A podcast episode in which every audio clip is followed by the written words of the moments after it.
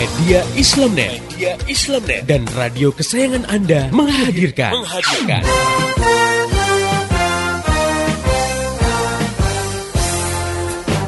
Voice of Islam. Voice of Islam. Voice of Islam.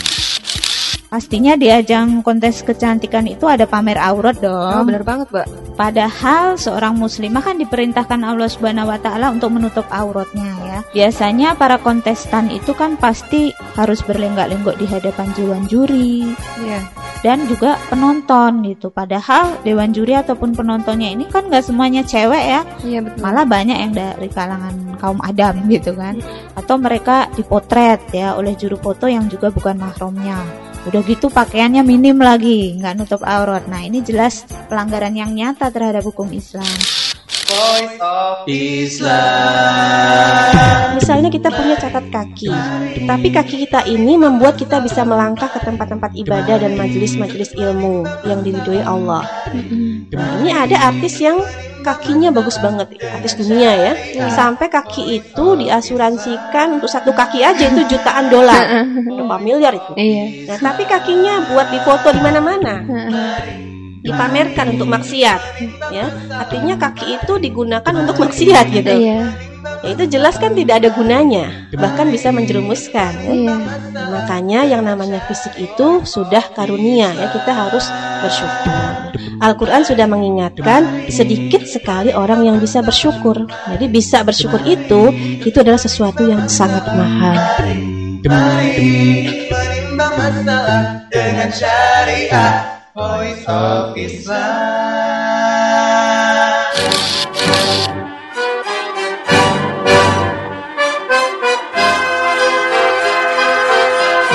Voice of Islam. Voice of Islam. Voice of Islam.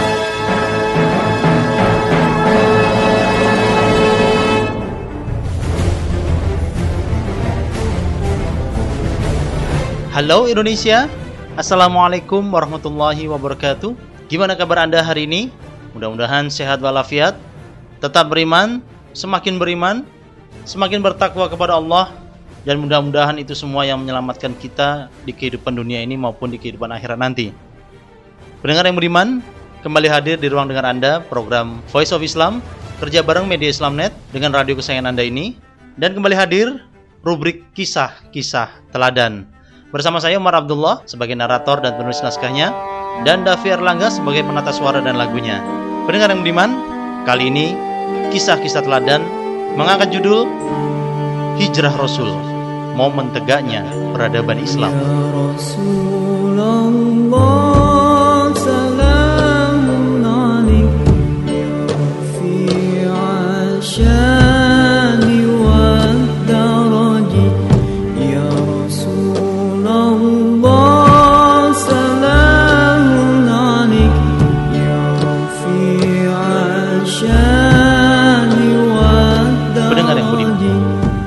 tengah-tengah pembebasan kedua negara adidaya saat itu, yakni Persia dan Romawi Bizantium, di masa pemerintahan Khalifah Umar bin Khattab radhiyallahu an, tepatnya pada bulan Rabiul Awal tahun 16 Hijriah atau bertepatan dengan tahun 638 Masehi. Mulailah ditulis penanggalan tahun Hijriah atas usulan Ali bin Abi Thalib radhiyallahu an. Para sahabat radhiyallahu anhum menetapkan permulaan penanggalan Hijriah ini didasarkan pada peristiwa yang paling penting dalam sejarah Islam, yakni hijrahnya Nabi Shallallahu Alaihi Wasallam dari Mekah ke Madinah untuk mendirikan negara Islam. Nah, dengan yang beriman, bagaimana terjadinya peristiwa paling penting dalam sejarah Islam ini? Beginilah kisahnya.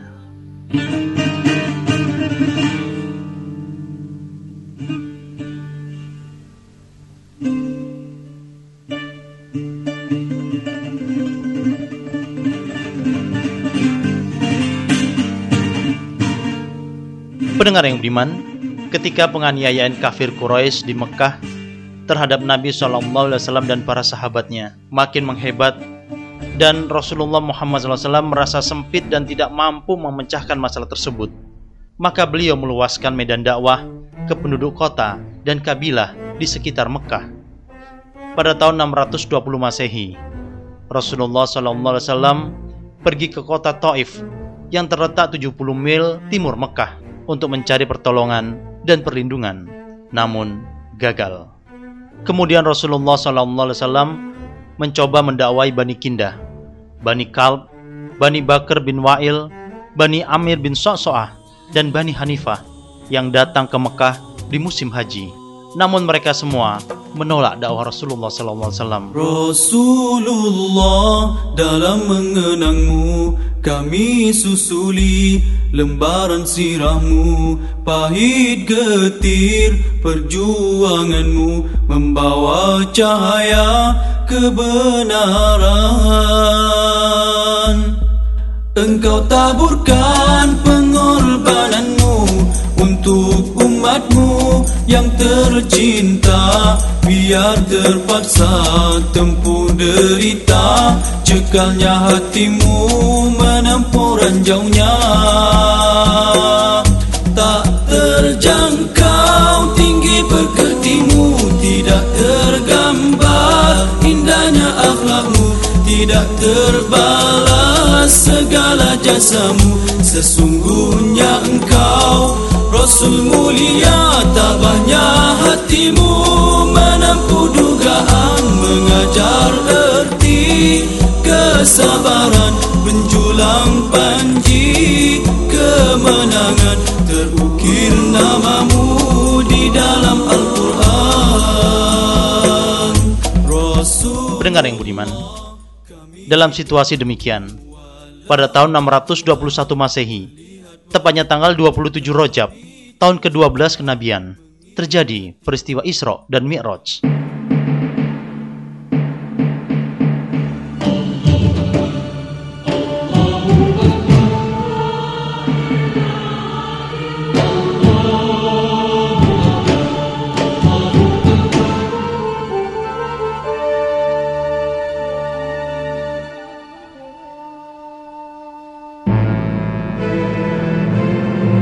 Perjalanan tersebut, Allah Subhanahu wa taala menampakkan tanda-tanda kebesarannya kepada Rasulullah Muhammad SAW.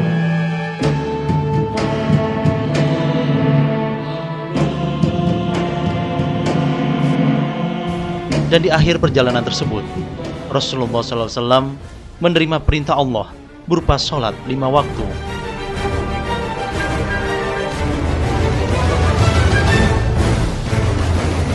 Nabi pun melanjutkan perjuangannya dan terus mengharapkan pertolongan Allah. Pendengar yang beriman, penantian itu tidak lama.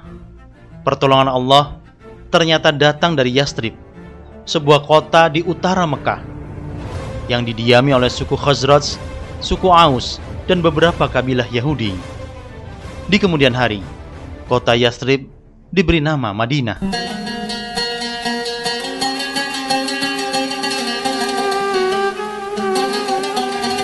Ketika musim haji, Nabi SAW menemui jemaah haji dari suku Khazraj yang datang ke Mekah. Rasulullah SAW mengajak mereka berdialog dan menanyakan keadaan mereka dan mengajak mereka untuk masuk Islam. Alhamdulillah, mereka pun menerima ajakan Nabi SAW.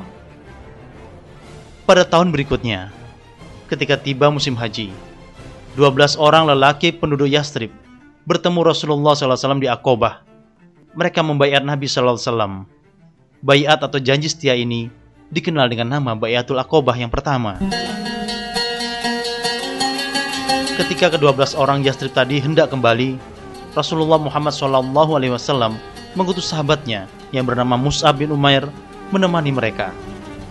Mus'ab diperintahkan oleh Rasulullah untuk membacakan Al-Quran, mengajarkan Islam, dan memberi pemahaman agama kepada mereka melalui perantaran As'ad bin Zuroroh, salah seorang pemimpin Yastrib yang telah masuk Islam. Mus'ab mendatangi satu persatu rumah penduduk Yastrib. Alhamdulillah, aktivitas dakwah yang dilakukan oleh Mus'ab disambut antusias penduduk Yastrib. Yastrib jauh lebih kondusif untuk pengembangan dakwah Islam dibanding Mekah. Masyarakat Yastrib lebih mudah menerima Islam dibanding masyarakat Mekah. Dalam kurun waktu satu tahun, Islam sudah menjadi pembicaraan umum di seluruh pelosok Yastrib. dan telah mengubah pemikiran dan perasaan suku Aus dan Khosrots menjadi pemikiran dan perasaan Islami, termasuk para pemimpin dan ahlul harbnya, para komandan perangnya. Sehingga praktis, kaum musliminlah yang memegang kekuatan Yastrib. Pendengar yang diman, Mus'ab bin Umair melaporkan perkembangan dakwah di Yastrib ini kepada Rasulullah SAW. Dan berdasarkan laporan Mus'ab inilah, Rasulullah Muhammad SAW memindahkan target penerapan Islam dari kota Mekah ke kota Yastrib atau Madinah. Mulailah saat-saat yang menentukan, yakni saat-saat penyerahan kekuasaan kota Yastrib kepada Rasulullah Sallallahu Alaihi Wasallam.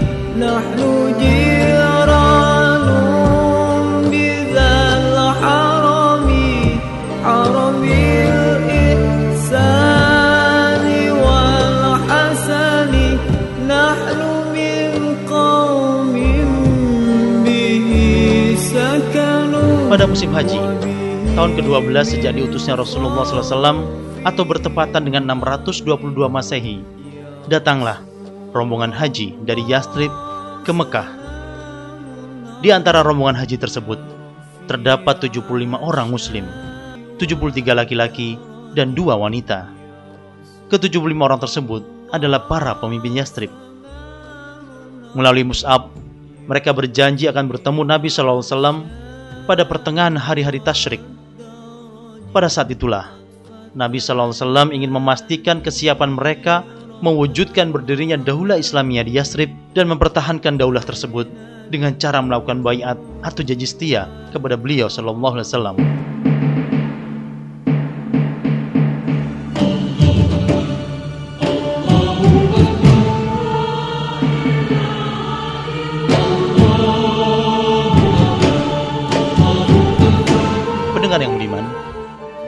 Pada hari yang dijanjikan. Dan setelah sepertiga malam pertama telah lewat, 75 tokoh Jastrib itu keluar dari pos mereka dengan mengendap-endap. Mereka khawatir urusan yang sangat penting ini terbongkar. Sesampai di Syiib, sebuah celah bukit di Bukit Akobah, terjadilah dialog antara Nabi SAW dengan para tokoh Yastrib.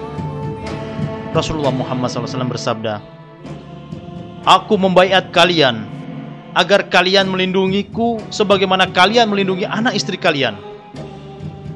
Kemudian Al-Bahru bin Ma'rur, salah seorang pemimpin Yastrib, memegang tangan Rasulullah SAW dan berkata, Baik Rasulullah, demi zat yang mengutusmu dengan membawa kebenaran, kami pasti melindungimu sebagaimana kami melindungi anak istri kami.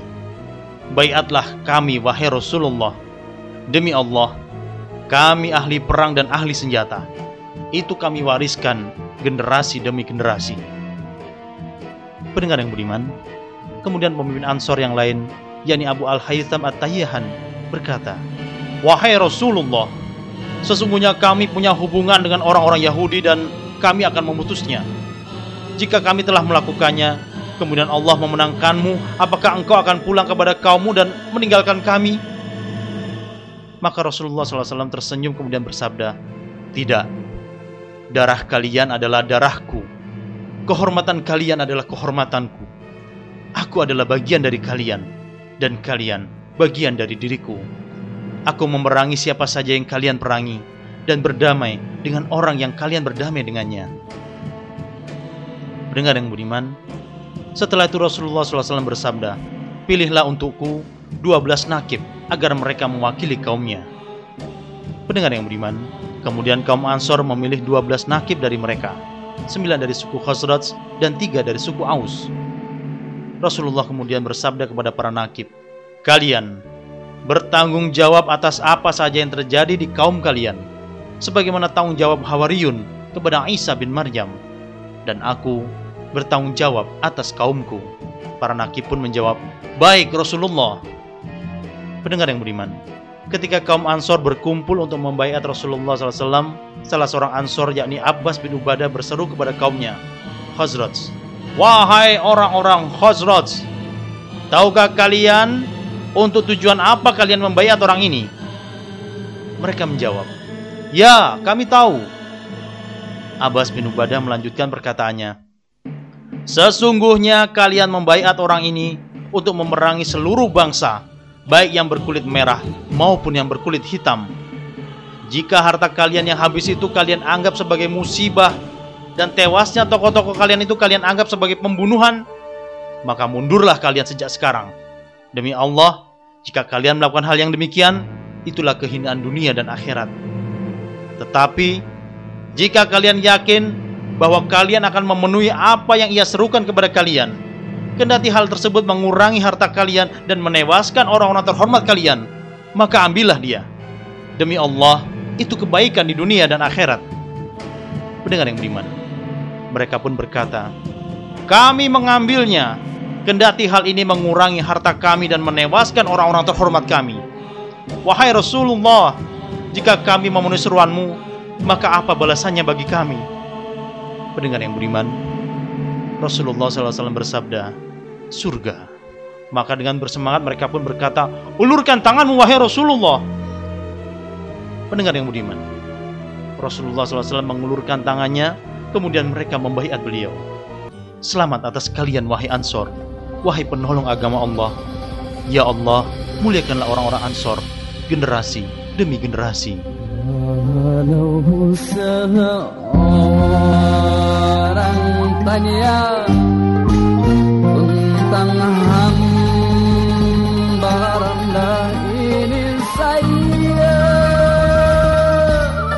Demikianlah pendengar yang budiman, dengan adanya Bayatul Aqobah kedua ini, maka secara de jure Nabi SAW telah menerima penyerahan kekuasaan pemerintahan Yastrib. Setelah itu, ke-75 orang tokoh Yastrib ini kembali ke perkemahan masing-masing, mengemasi barang-barang mereka, lalu pulang ke Yastrib. Pendengar yang budiman, tak lama berselang, Nabi SAW memerintahkan kaum muslimin untuk hijrah ke Yastrib. Mereka berangkat dengan cara berpencar dan berkelompok-kelompok yang saling terpisah. Sementara itu, Nabi SAW masih tinggal di Mekah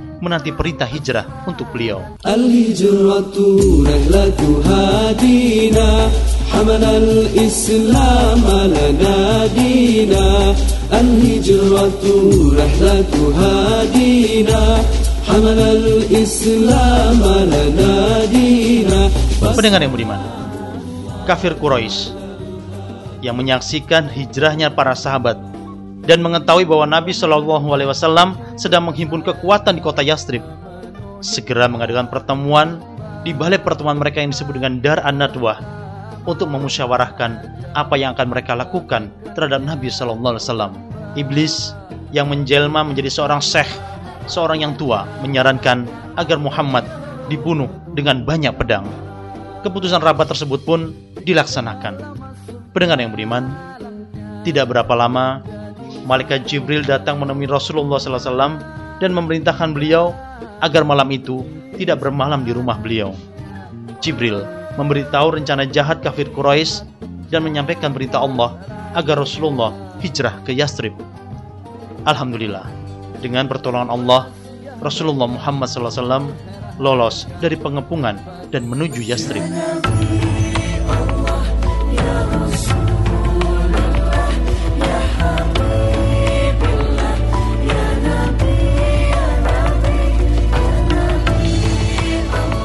Pendengar yang budiman, pada hari Senin, tanggal 12 Robiul Awal, tahun ke-1 Hijriah, bertepatan dengan 622 Masehi, Nabi Shallallahu Alaihi Wasallam tiba di Yastrib yang sekarang berganti nama menjadi Madinah. Para kaum muhajirin menyambut kedatangan beliau. Begitu juga kaum Ansor. Bahkan orang-orang musyrik dan kaum Yahudi pun menyambut kedatangan beliau. Sambutan yang wajar karena Nabi Shallallahu Alaihi Wasallam tiba di kota Madinah sebagai seorang kepala negara.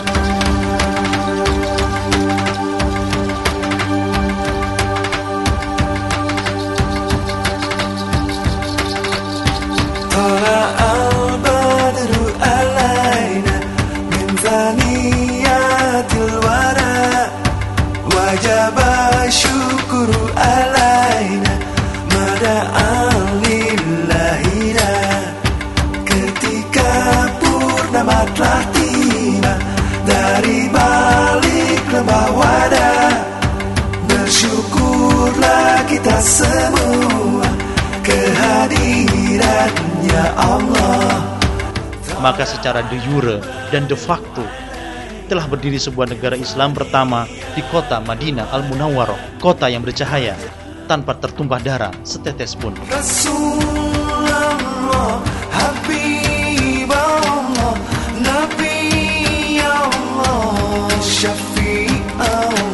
Pendengar yang beriman, di kota Madinah itulah Nabi Shallallahu Alaihi Wasallam mulai membangun peradaban Islam yang agung dan unggul.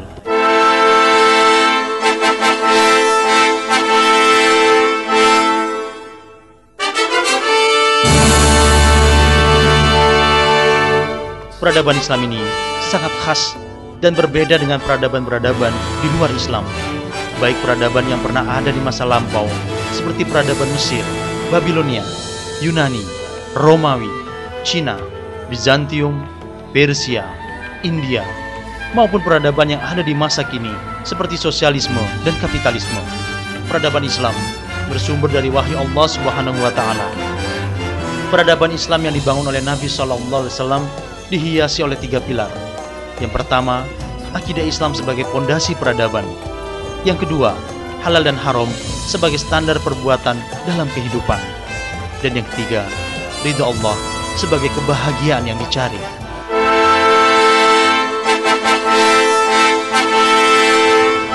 Pendengar yang budiman, untuk mewujudkan peradaban Islam ini, kaum muslimin mau tidak mau harus memiliki negara yang menjalankan dan menerapkan sistem Islam.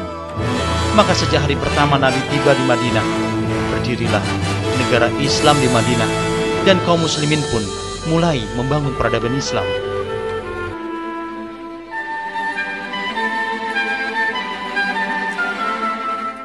Dengar yang budiman, yang pertama kali dilakukan oleh kaum muslimin adalah mendirikan masjid. Masjid dijadikan tempat ibadah, tempat bermusyawarah, dan mengambil berbagai keputusan penting di dalam kehidupan bernegara dan bermasyarakat, serta sebagai tempat berbagai departemen negara yang mengurusi kepentingan rakyat, juga sebagai tempat memberangkatkan para tentara yang akan berperang. Untuk memanggil masyarakat agar berkumpul, dilakukan dengan azan baik untuk sholat berjamaah maupun untuk keperluan lainnya. Allahu Akbar, Allahu Akbar. Allahu Akbar, Allahu Akbar.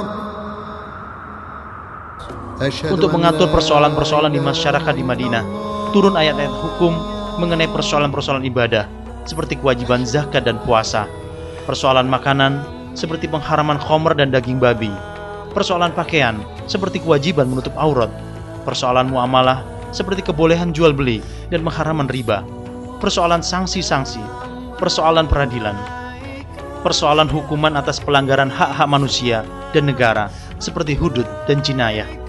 Pendengar yang budiman, untuk menjalin persaudaraan karena Allah Nabi Shallallahu Alaihi Wasallam mempersaudarakan kaum Ansor dan Muhajirin. Persaudaraan ini menyentuh aspek muamalah, harta, dan seluruh urusan mereka. Dan untuk mengatur hubungan kaum muslimin dengan orang-orang Yahudi di Madinah, Nabi Shallallahu Alaihi Wasallam sebagai kepala negara membuat perjanjian yang disebut Wathikoh Madinah atau Piagam Madinah. Piagam ini berisi pengaturan interaksi antara kaum muhajirin dan ansor, juga perjanjian dengan orang-orang Yahudi.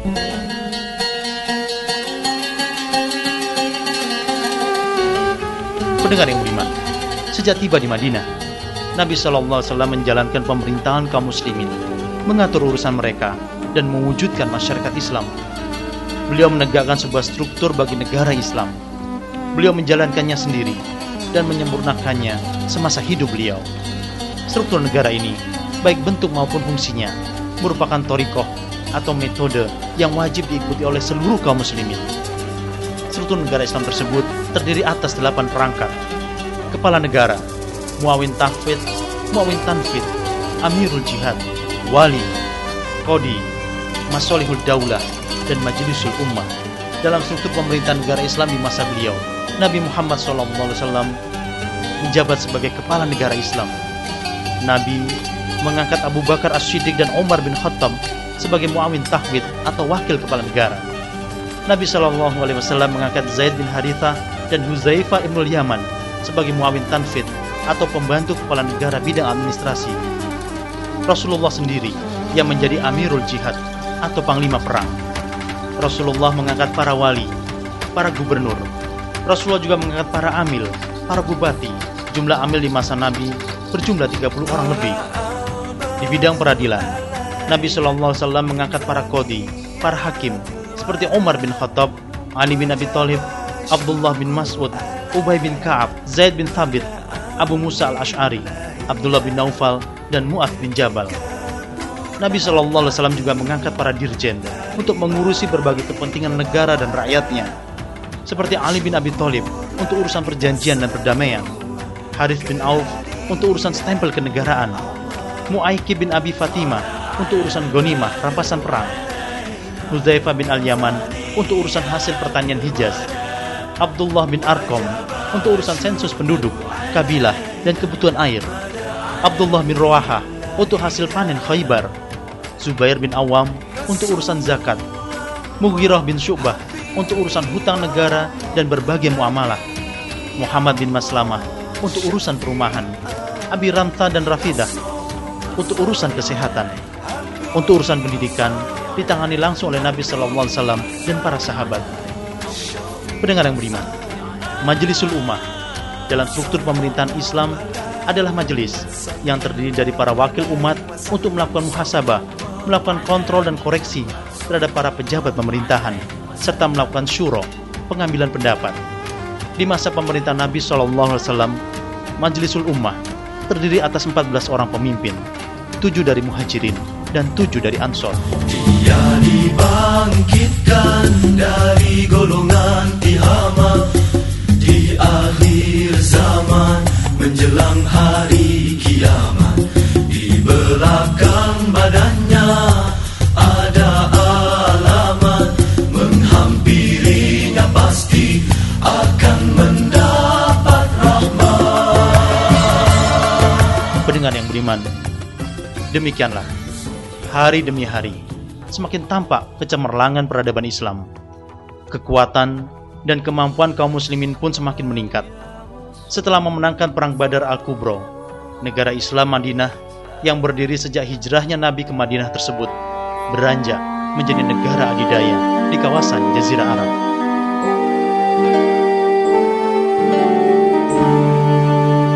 Demikian mendengar yang beriman, kisah-kisah teladan hari ini yang berjudul Hijrah Rasul, momen tegaknya peradaban Islam. Mudah-mudahan banyak pelajaran yang bisa kita dapatkan, banyak informasi, banyak wawasan yang bisa kita petik dari kisah-kisah teladan kali ini. Saya Umar Abdullah sebagai narator dan menulis naskahnya, Davir Langga sebagai penata suara dan lagunya, dan seluruh kerabat kerja yang bertugas mengucapkan terima kasih atas perhatian Anda. Sampaikan apa yang Anda dapat dari acara ini kepada yang lain. Mudah-mudahan rahmat Islam segera tersebar luas termasuk di kota Anda yang tercinta ini. Mari menimbang masalah dengan syariah. Assalamualaikum warahmatullahi wabarakatuh. Demikian tadi Voice of Islam. Voice of Islam. Semoga hikmah yang terkandung bermanfaat untuk kita semua. Amin amin amin ya robbal alamin. Kembali bisa Anda dengarkan Voice of Islam. Voice of Islam. Menghadirkan topik-topik seputar kehidupan kita esok hari di waktu dan gelombang yang sama.